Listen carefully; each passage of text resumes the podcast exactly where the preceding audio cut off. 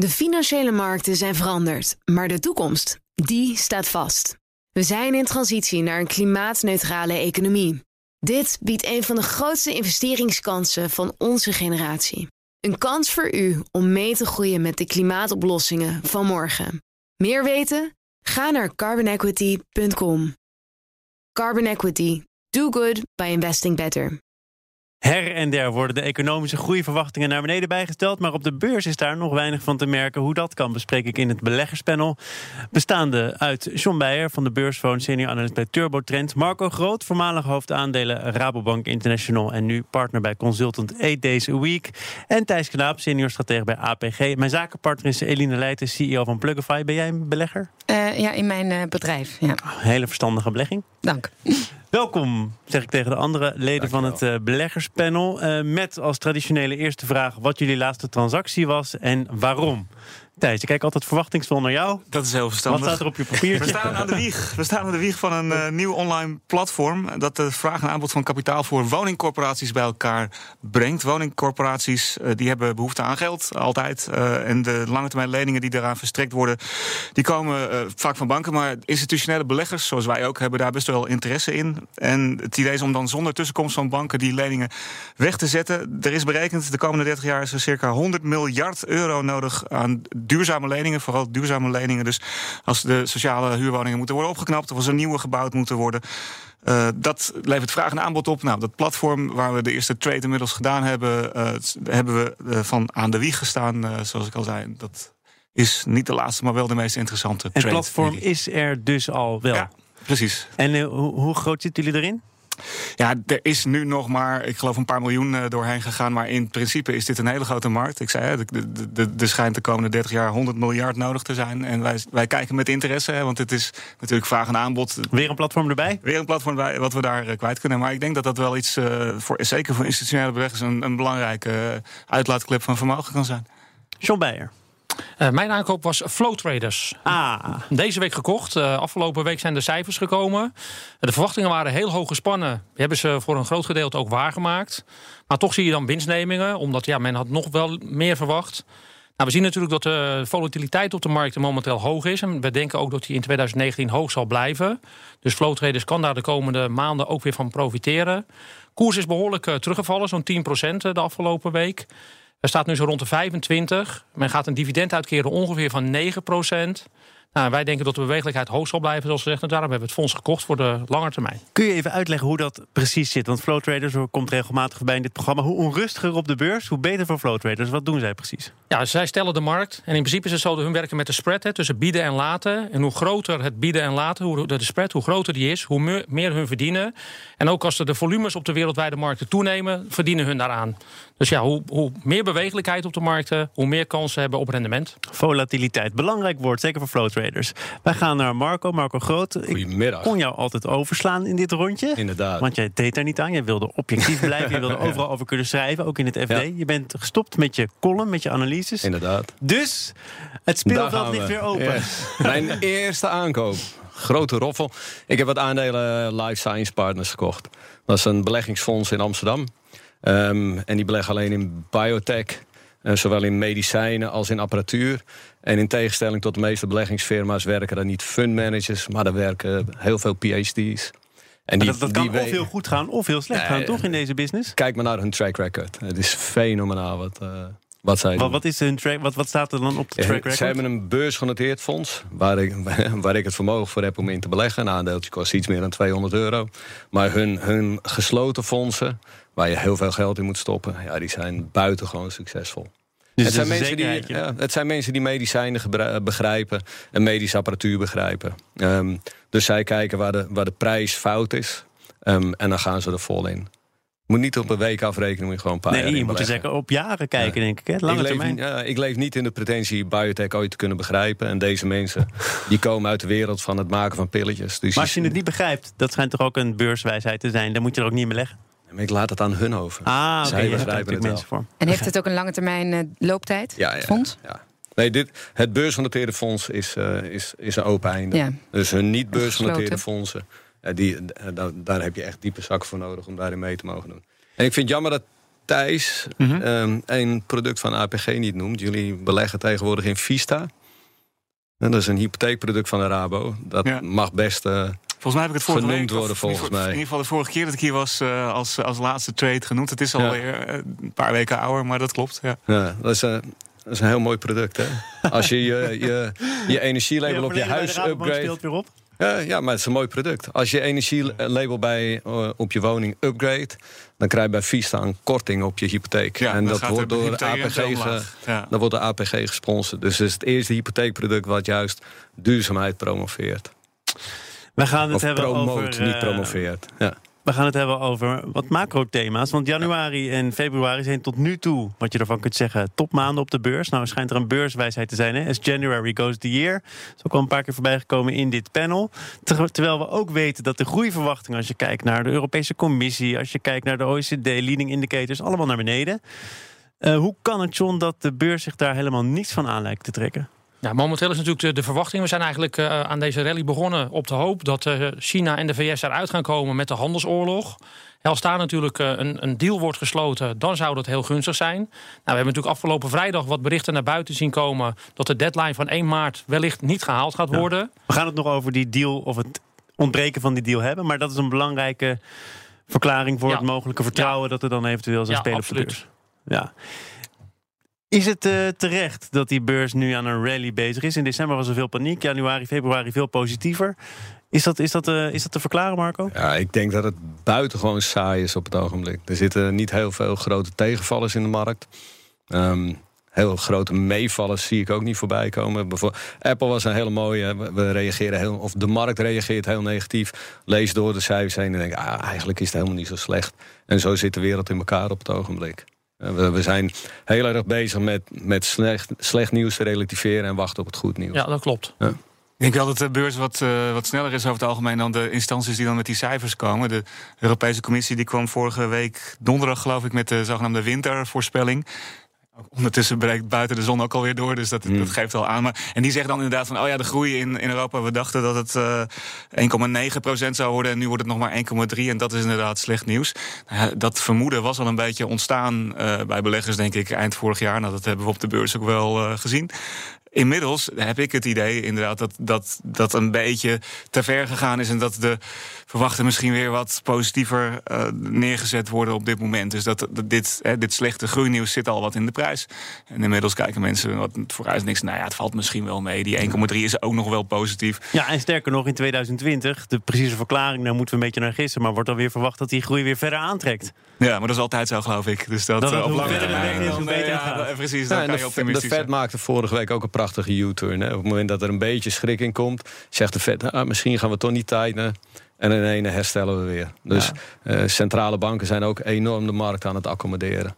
Dan wordt er dus weer wat positiever naar de toekomst gekeken. Tenzij je Paul Krugman heet, Nobelprijswinnaar, vooraanstaand econoom. Die zegt nog altijd dat hij vreest voor een recessie in de Verenigde Staten. Nog dit jaar. Zou dat niet heel snel zijn? Ik denk dat het, eh, dat het zou voortkomen uit een. eh, dus ik kijk nu even naar Thijs, de macro-econoom. Dus ben je het met me eens of niet? Hè? Ehm, Ja, ik dat weet het dat zou Krugman naar voortkomen. kijkt. Ja, Ja. Maar, maar zeg, wat, wat is volgens jou de aanleiding? Ik denk dat hij voorzichtigheid inbouwt. Eh, Ja. Dus als die trade wars doorgaan, dan houdt het eigenlijk op. En het is niet zo, eh, dan is het eerder uitstel dan afstel. En dan kan je eh één of twee kwartalen er wat slechter voor staan. Ja, precies. Dus, op het moment dat je die ellende met China oplost, en dat komt er volgens mij heus wel, dan, dan, dan krijg je wat komt er inhoud. heus wel. Ondanks de fundamentele verschillen Je in de kan je, toch economie. niet, je kan je toch niet veroorloven eh, om, om dit heel lang aan Nee, te laten houden. klopt. Het houdt de hele wereld op, hè?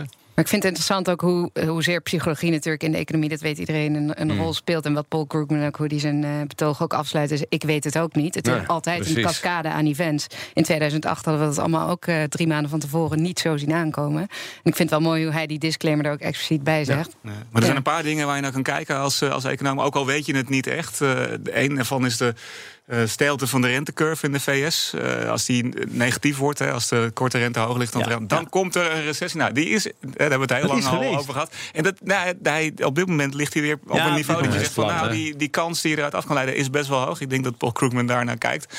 En dan inderdaad, dan heb je nog een ander indicator en dat zijn de, de, de voorspellers zelf. Dus is een poll van voorspellers. En als daar meer dan een kwart van zegt van ik zie een recessie komen, dan kan je uit de geschiedenis afleiden dat de kans iets hoger is. Nog steeds niet gezegd, maar dat, dat zijn zo van die tekens. En die zijn er nu allemaal. En dat is wel een beetje spannend.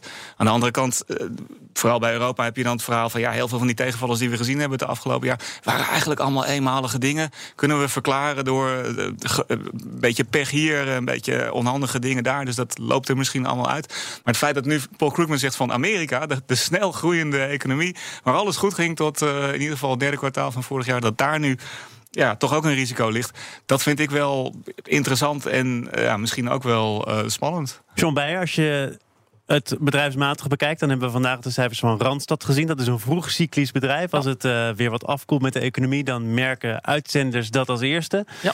Je ziet dus ook dat die cijfers van Randstad in het vierde kwartaal een beetje tegenvallen. Overigens zei de topman van de Broek vandaag ook nog weer op BNR dat ze in het eerste kwartaal van 2019 alweer zien dat de zaken stabiliseren. Zijn die cijfers van Randstad op dat vlak wat waard?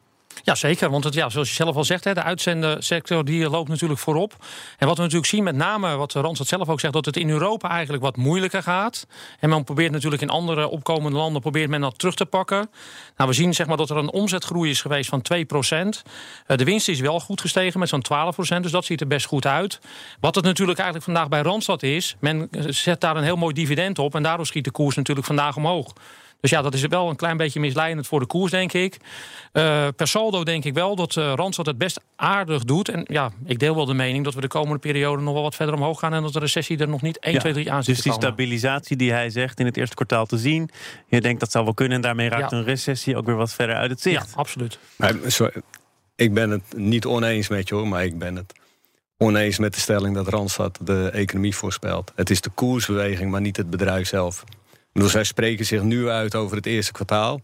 Wat al zes weken onderweg is. En ze hebben al twee, drie weken vooruit uh, zicht op het orderboek. Dus ze zeggen eigenlijk niet heel veel. Hè? Je kunt er nog niet heel veel uit nee, afleiden. En als je, als je naar de cijfers kijkt, de cijfers die er doen... Hè, dus de Days of Sales Outstanding... Um, en hun return on invested capital die is nagenoeg onveranderd. Dus het is eigenlijk een bedrijf wat in een makkelijke economie heel veel geld verdient en een deel van het geld weer teruggeeft aan de aandeelhouders. Het kwam al ter sprake, het Amerikaans-Chinese handelsconflict. Het vertrouwen in een snelle oplossing is tanende. Nu duidelijk is geworden dat Trump en Xi Jinping elkaar niet voor 1 maart gaan ontmoeten. En dat is de dag van de deadline. Na 1 maart zou de VS haar importtarieven op veel Chinese producten gaan verhogen van 10 naar 25 procent. Thijs, ik kijk weer verwachtingsvol naar jou. Want ik weet dat jij China in de gaten houdt via het televisieprogramma van Frans Bauer. Correct. En uh, geeft jou dat veel vertrouwen in een snelle oplossing? Het was een schitterende afle aflevering afgelopen zaterdag. Dus dat, uh, dat zou mij vertrouwen moeten geven. Maar volgens mij was die eerder opgenomen. Dus dat ah, zegt niet heel veel. Ja, dit, dus die deal, dat is wel een, een ding. 1 maart is, is toch een vrij harde deadline. Zelfs als die verschoven wordt, dan is dat niet iets wat heel veel vertrouwen geeft. Want het betekent gewoon dat ze er niet makkelijk uitkomen. En het is wel een belangrijk uh, ding voor markten. Niet zozeer omdat nou, de, de groei onmiddellijk onderuit gaat als er geen, geen deal komt. Economieën die groeien wel door. Maar voor bedrijven en dan vooral multinationals die heel erg geïnvesteerd hebben in het produceren in China, het handelen met China, het ontwikkelen van de Chinese markt, is dit een vreselijke onzekerheid waar ze enorm veel last van hebben en die zomaar het hele bedrijf ten gronde kan richten. Ja, nu, nu schuift die deadline uh, op, tenminste als ze hem niet halen. Is de conclusie van het panel eerder in dit uh, gesprek dat beide landen het niet echt zich kunnen veroorloven om dit nog heel erg lang te laten sudderen? Is dat wat ervoor gaat zorgen dat ze hoe dan ook op een bepaald moment met elkaar een akkoord overeenkomen, Marco? Ik denk het wel, ja. Daar ga ik wel van uit. Maar uh, we hebben de laatste twee jaar redelijk veel Haakse bewegingen gezien. En ik ben heel erg benieuwd wat er, uh, wat er nu gaat gebeuren. Als je in deelsegmenten gaat kijken van de Amerikaanse economie, dan zie je al dat, er, uh, dat het wat minder goed gaat. Ik las vanochtend iets over, over de solar panelindustrie, waar 3% uh, van de mensen ontslagen is. Amerikaanse landbouw gaat het wat moeilijker krijgen, auto-industrie. Dus het, het hakt er best wel in. Hè? De Chinese industrie heeft er, oh, en industrie en hele economie heeft er ook wel eens beter voor gestaan? Inderdaad. Dus beide, beide hebben er last van. En uiteindelijk heb je een medicijn nodig om, uh, om dit, deze griep uh, weg te werken. En wie, wie heeft er dan de langste adem? Met andere woorden, wie is in die onderhandelingen, denk jij, John, de bovenliggende partij? Ik denk momenteel Trump. Die speelt het toch wel hard. En iedere keer zeg je, weet je, dat naar de buitenwereld toe speelt hij het in principe heel hard. En als je dan achter de schermen dat een beetje de berichten voorbij ziet komen, denk ik toch dat hij dan daar weer wat, uh, wat milder zal zijn. En ik denk ook dat er, zal, er moet gewoon een oplossing komen. Want je ziet nu gewoon al dat dat de diverse macrodata, dat het gewoon behoorlijk aan het afzwakken is. En dat kan gewoon niet te lang gaan duren. En kijk, in Amerika heb je natuurlijk de shutdown nog die, die daarbij speelt. Dus er moet echt op korte termijn toch wel wat gaan gebeuren. En dat zal dan voor een groot aantal aandelen een echt een enorme boost gaan geven. Die er nu al eigenlijk een klein beetje op vooruitgelopen zijn. Die aandelen hebben er, ondanks dat die onderhandelingen ontzettend moeizaam verlopen en die deadline waarschijnlijk niet gehaald wordt, toch nog alweer rekening mee gehouden dat er een deal aan zit te komen. Ja, ik denk dat dat er met name de trigger is geweest om in januari de koersen toch fors hoger neer te zetten. Omdat Trump eigenlijk behoorlijk enthousiast uh, erop los twitterde. Dat het eigenlijk uh, heel erg goed ging, de onderhandelingen. En nu zie je dat het allemaal weer toch een klein beetje wordt getemperd. Welke aandelen zijn dat dan?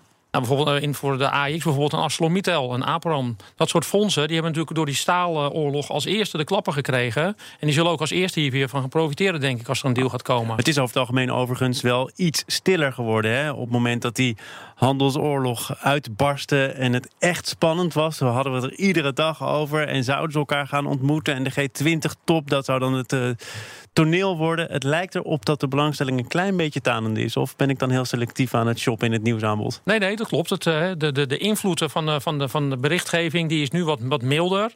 Maar je zag toch afgelopen vrijdag dat er bekend werd gemaakt... dat die deadline van 1 maart niet gehaald werd. En we gingen toch meteen een behoorlijk stukje onderuit. We hebben natuurlijk de kwestie Huawei erbij gekregen. Hè? Het feit dat die nu in Amerika worden aangeklaagd vanwege bedrijfsspionage. Is dat een lelijke haar in de soep? Uiteraard. Um, en hoe lelijk die wordt, dat, dat moet nog blijken. Maar dat soort zaken doen, uh, doen geen goed. Maar het feit is wel dat we, Eline... Nee, ik vind het ook fascinerend om te zien dat inderdaad de berichtgeving wel verstomt. Maar uh, versus andere handelsoorlogen zich dit in de afgelopen maanden ook wel heel veel op het publieke toneel heeft afgespeeld. Waardoor je ook afvraagt welk onderdeel van al dit heen en weer gepingpong window dressing is. En wat echt uiteindelijk ook uh, puntje bij paaltje um, door de beide leiders uh, aan dreigementen wordt verwezenlijkt. Want ik deel wel het idee dat deze beide grootmachten too big to fail zijn. En ik ben ook benieuwd wat er vanuit de internationale diplomatie aan onderliggende uh, krachten zijn die dit toch uit de publieke sfeer willen halen. Mijn indruk is dat uh, als je kijkt naar wat er daadwerkelijk op tafel ligt, dat zijn een heleboel dingen. En daarvan is ongeveer de helft is heel makkelijk op te lossen en de helft komen ze nooit uit. En dan uh, kan je ja. dus heel lang onderhandelen en dat in het publiek doen of niet. Maar uiteindelijk is het een kwestie van heeft Trump behoefte aan een deal? Zo ja, dan gaan ze een deal sluiten over de helft waar ze makkelijker uitkomen. En dat zijn dingen als de handelsbalans tussen China en de VS. Nou ja, dan kopen die Chinezen nog wat sojabonen en misschien wat olie in de VS. Dan komt het ook allemaal goed. Uh, be bescherming van eigendomsrechten willen de Chinezen ook best wel aan. Dus dat kunnen ze makkelijk oplossen. En bescherming dan van eigendomsrechten, ja, het intellectuele eigendom, dat ja. schijnt toch een hot topic dat te zijn. Dat is een hot topic, maar de Chinezen hebben inmiddels zelf zoveel intellectueel eigendom dat ze daar ook gewoon belang bij hebben dat dat beschermd wordt. En ik, mijn inschatting is dat ze daar helemaal niet moeilijk over doen. En dan zijn er andere dingen. Als Trump zegt, je mag je eigen kampioenen niet subsidiëren. Zo'n Huawei die dan al dan niet met staatssteun de, de, de, de producten ontwikkelt. Ja, als dat niet mag, daar zeggen de Chinezen tegen dat ja, dat mogen dat we zelf beslissen. Daar hebben, we geen, uh, daar hebben we geen Amerikanen bij nodig. En daar kom je dus niet uit. En dus is het een kwestie van ja, hoe ver wil je gaan met het onderhandelen? Nou, zitten er een paar hardliners in de regering in Washington die alles willen regelen. Nou, dan kom je er niet uit. Uh, maar ik heb zo'n vermoeden dat Trump zelf zit te wachten op een deal. Ja, ik, ik, denk dat het vooral in het, eh, ik ben met Thijs eens dat, dat het in de grote industrie over de tarivering gaat en de volumes. En daar, daar komen ze er vanzelf al uit. En die andere elementen, dat, ja, dat is ripple effect. Volgens, volgens mij is uh, straks is we hebben de headlines een deal en dan vervolgens kan het nog jarenlang duren voordat die andere elementen uitge, uh, uitonderhandeld zijn. Ik denk niet dat het heel veel langer mag duren. Want het kost gewoon te veel economische ja. groei. Ja. Er was een tijd dat het ook over Europa ging in dit conflict. Dan was er een uh, wapenstilstand ondertekend na een ontmoeting tussen Trump en Juncker afgelopen zomer. Maar we hebben staal gehad, we hebben de Europese auto-industrie gehad. Is het uh, logisch, John, dat dat een beetje van de agenda afgedreven lijkt te zijn? Nee, maar Europese belang? Ja, ja maar dat, dat, dat gaat zeker toch wel een invloed hebben. Want uh, met name de auto-industrie die heeft het momenteel echt heel zwaar. Hebben vanochtend zagen we ook weer een omzet- en een winstwaarschuwing van Nissan. He, dus wel, weliswaar hebben die natuurlijk allerlei deals in Europa. Maar dat gaat... En hun eigen problemen zo? Absoluut. Maar ik denk eh, de cijfers van Daimler die we verleden week voorbij zagen komen... waren ook gewoon heel slecht. Dus je ziet gewoon dat die sector het afgelopen week, uh, weken heel zwaar heeft. En als daar ook wel wat uh, meer de duidelijkheid over komt... zal dat ook wel een boost moet, moeten gaan geven, denk ik. Dus Thijs, moet je dan die auto-aandelen voorlopig even links laten liggen? Of uh, is de vraag is hoeveel ellende er al in de prijs zit. Ja. En er is natuurlijk al heel veel slecht nieuws geweest. Maar er zit nog wel een, wat nieuws aan te komen, denk ik. Want het Amerikaanse ministerie van Handel is nog aan het onderzoeken... of het importeren van auto's een bedreiging is... voor de nationale veiligheid van de VS. Ja, dat, dat onderzoek schijnt deze maand uit te komen. En als dat... Nou ja, je kan niks uitsluiten tegenwoordig. Misschien concluderen ze dat wel. Maar zou je dat politiek een beetje redelijk kunnen motiveren? Dat Europese auto's een bedreiging zijn voor de staatsveiligheid? Ja, dat, dat is gewoon een protectionistische maatregel. Ja, absoluut heeft niks met. Uh, Nee, dus maar het, volgens mij, ja, als je dat vindt, dan vind je dat. En daar, je kan natuurlijk zeggen, want de auto-industrie in Amerika, die ook de tanks moet maken, die wordt hierdoor bedreigd. Ja, je kan er altijd dan, wel een dan is de, Dan is de wapenstilstand die uh, in de zomer werd aangekondigd. En ook als een groot onderhandelingsresultaat werd gevierd, wel denk ik verleden tijd. Ja, dat zou dus echt. En dan meteen voor de Europese auto-industrie heel slecht nieuws zijn. Ja. John zei het al, die hebben al niet een heel lekker uh, jaar achter de rug. Het enige wat daar dan nog uh, tegenover staat, is dat de Amerikaanse autofabrikanten er ook niet op zitten te wachten op dit soort maatregelen. Want die importeren weer heel veel onderdelen die dan ook door een tarief geraakt zouden worden. Dus uh, eigenlijk wil niemand dit. Behalve misschien Donald Trump. Ja, Marco, hoe loopt dit af? Het is altijd moeilijk om in de toekomst te kijken. Maar dit is een sector waarmee Amerika Europa kan raken. Voor de auto-industrie ja? specifiek? Ja, in de auto-industrie kan iedereen elkaar raken. Je, je kan zo flauw. Je, ik vind eigenlijk dat het in de basis. kan je het zo flauw maken als je zelf wil. Het is. Geef jij mij wat, geef ik, uh, geef ik jou wat. En of het dan auto's zijn of reist. Uh, het maakt eigenlijk allemaal niet zoveel uit. Op het moment dat er twee partijen ergens in een industrie waar, waar, waar hardware aan onderliggend is, um, dan gaat het altijd mis. En Europa kan zich daar niet aan onttrekken. Uiteindelijk moet je een keer rond het kampvuur gaan zitten en kumbaya zeggen om, om, om, om het weer wat beter te laten gaan. Ja. Kumbaya, dankjewel. Zeg ik tegen het uh, beleggerspanel van deze week. Thijs Knaap, senior stratege van de APG, was hier net als John Beijer van de Beursfoon, senior analist bij Turbotrend. En Marco Groot, het voormalig hoofd aandelen Rabobank International, nu partner bij Eat deze week. En tegenwoordig ook weer actief belegger. Gaan we in de gaten houden. en ook speciale dank aan de debutant van vandaag als mijn zakenpartner, Eline Leijten, de CEO van Plugify. Kom nog een keer terug.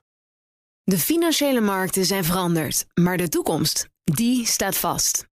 We zijn in transitie naar een klimaatneutrale economie. Dit biedt een van de grootste investeringskansen van onze generatie. Een kans voor u om mee te groeien met de pioniers van morgen. Meer weten? Ga naar carbonequity.com. Carbon Equity. Do good by investing better.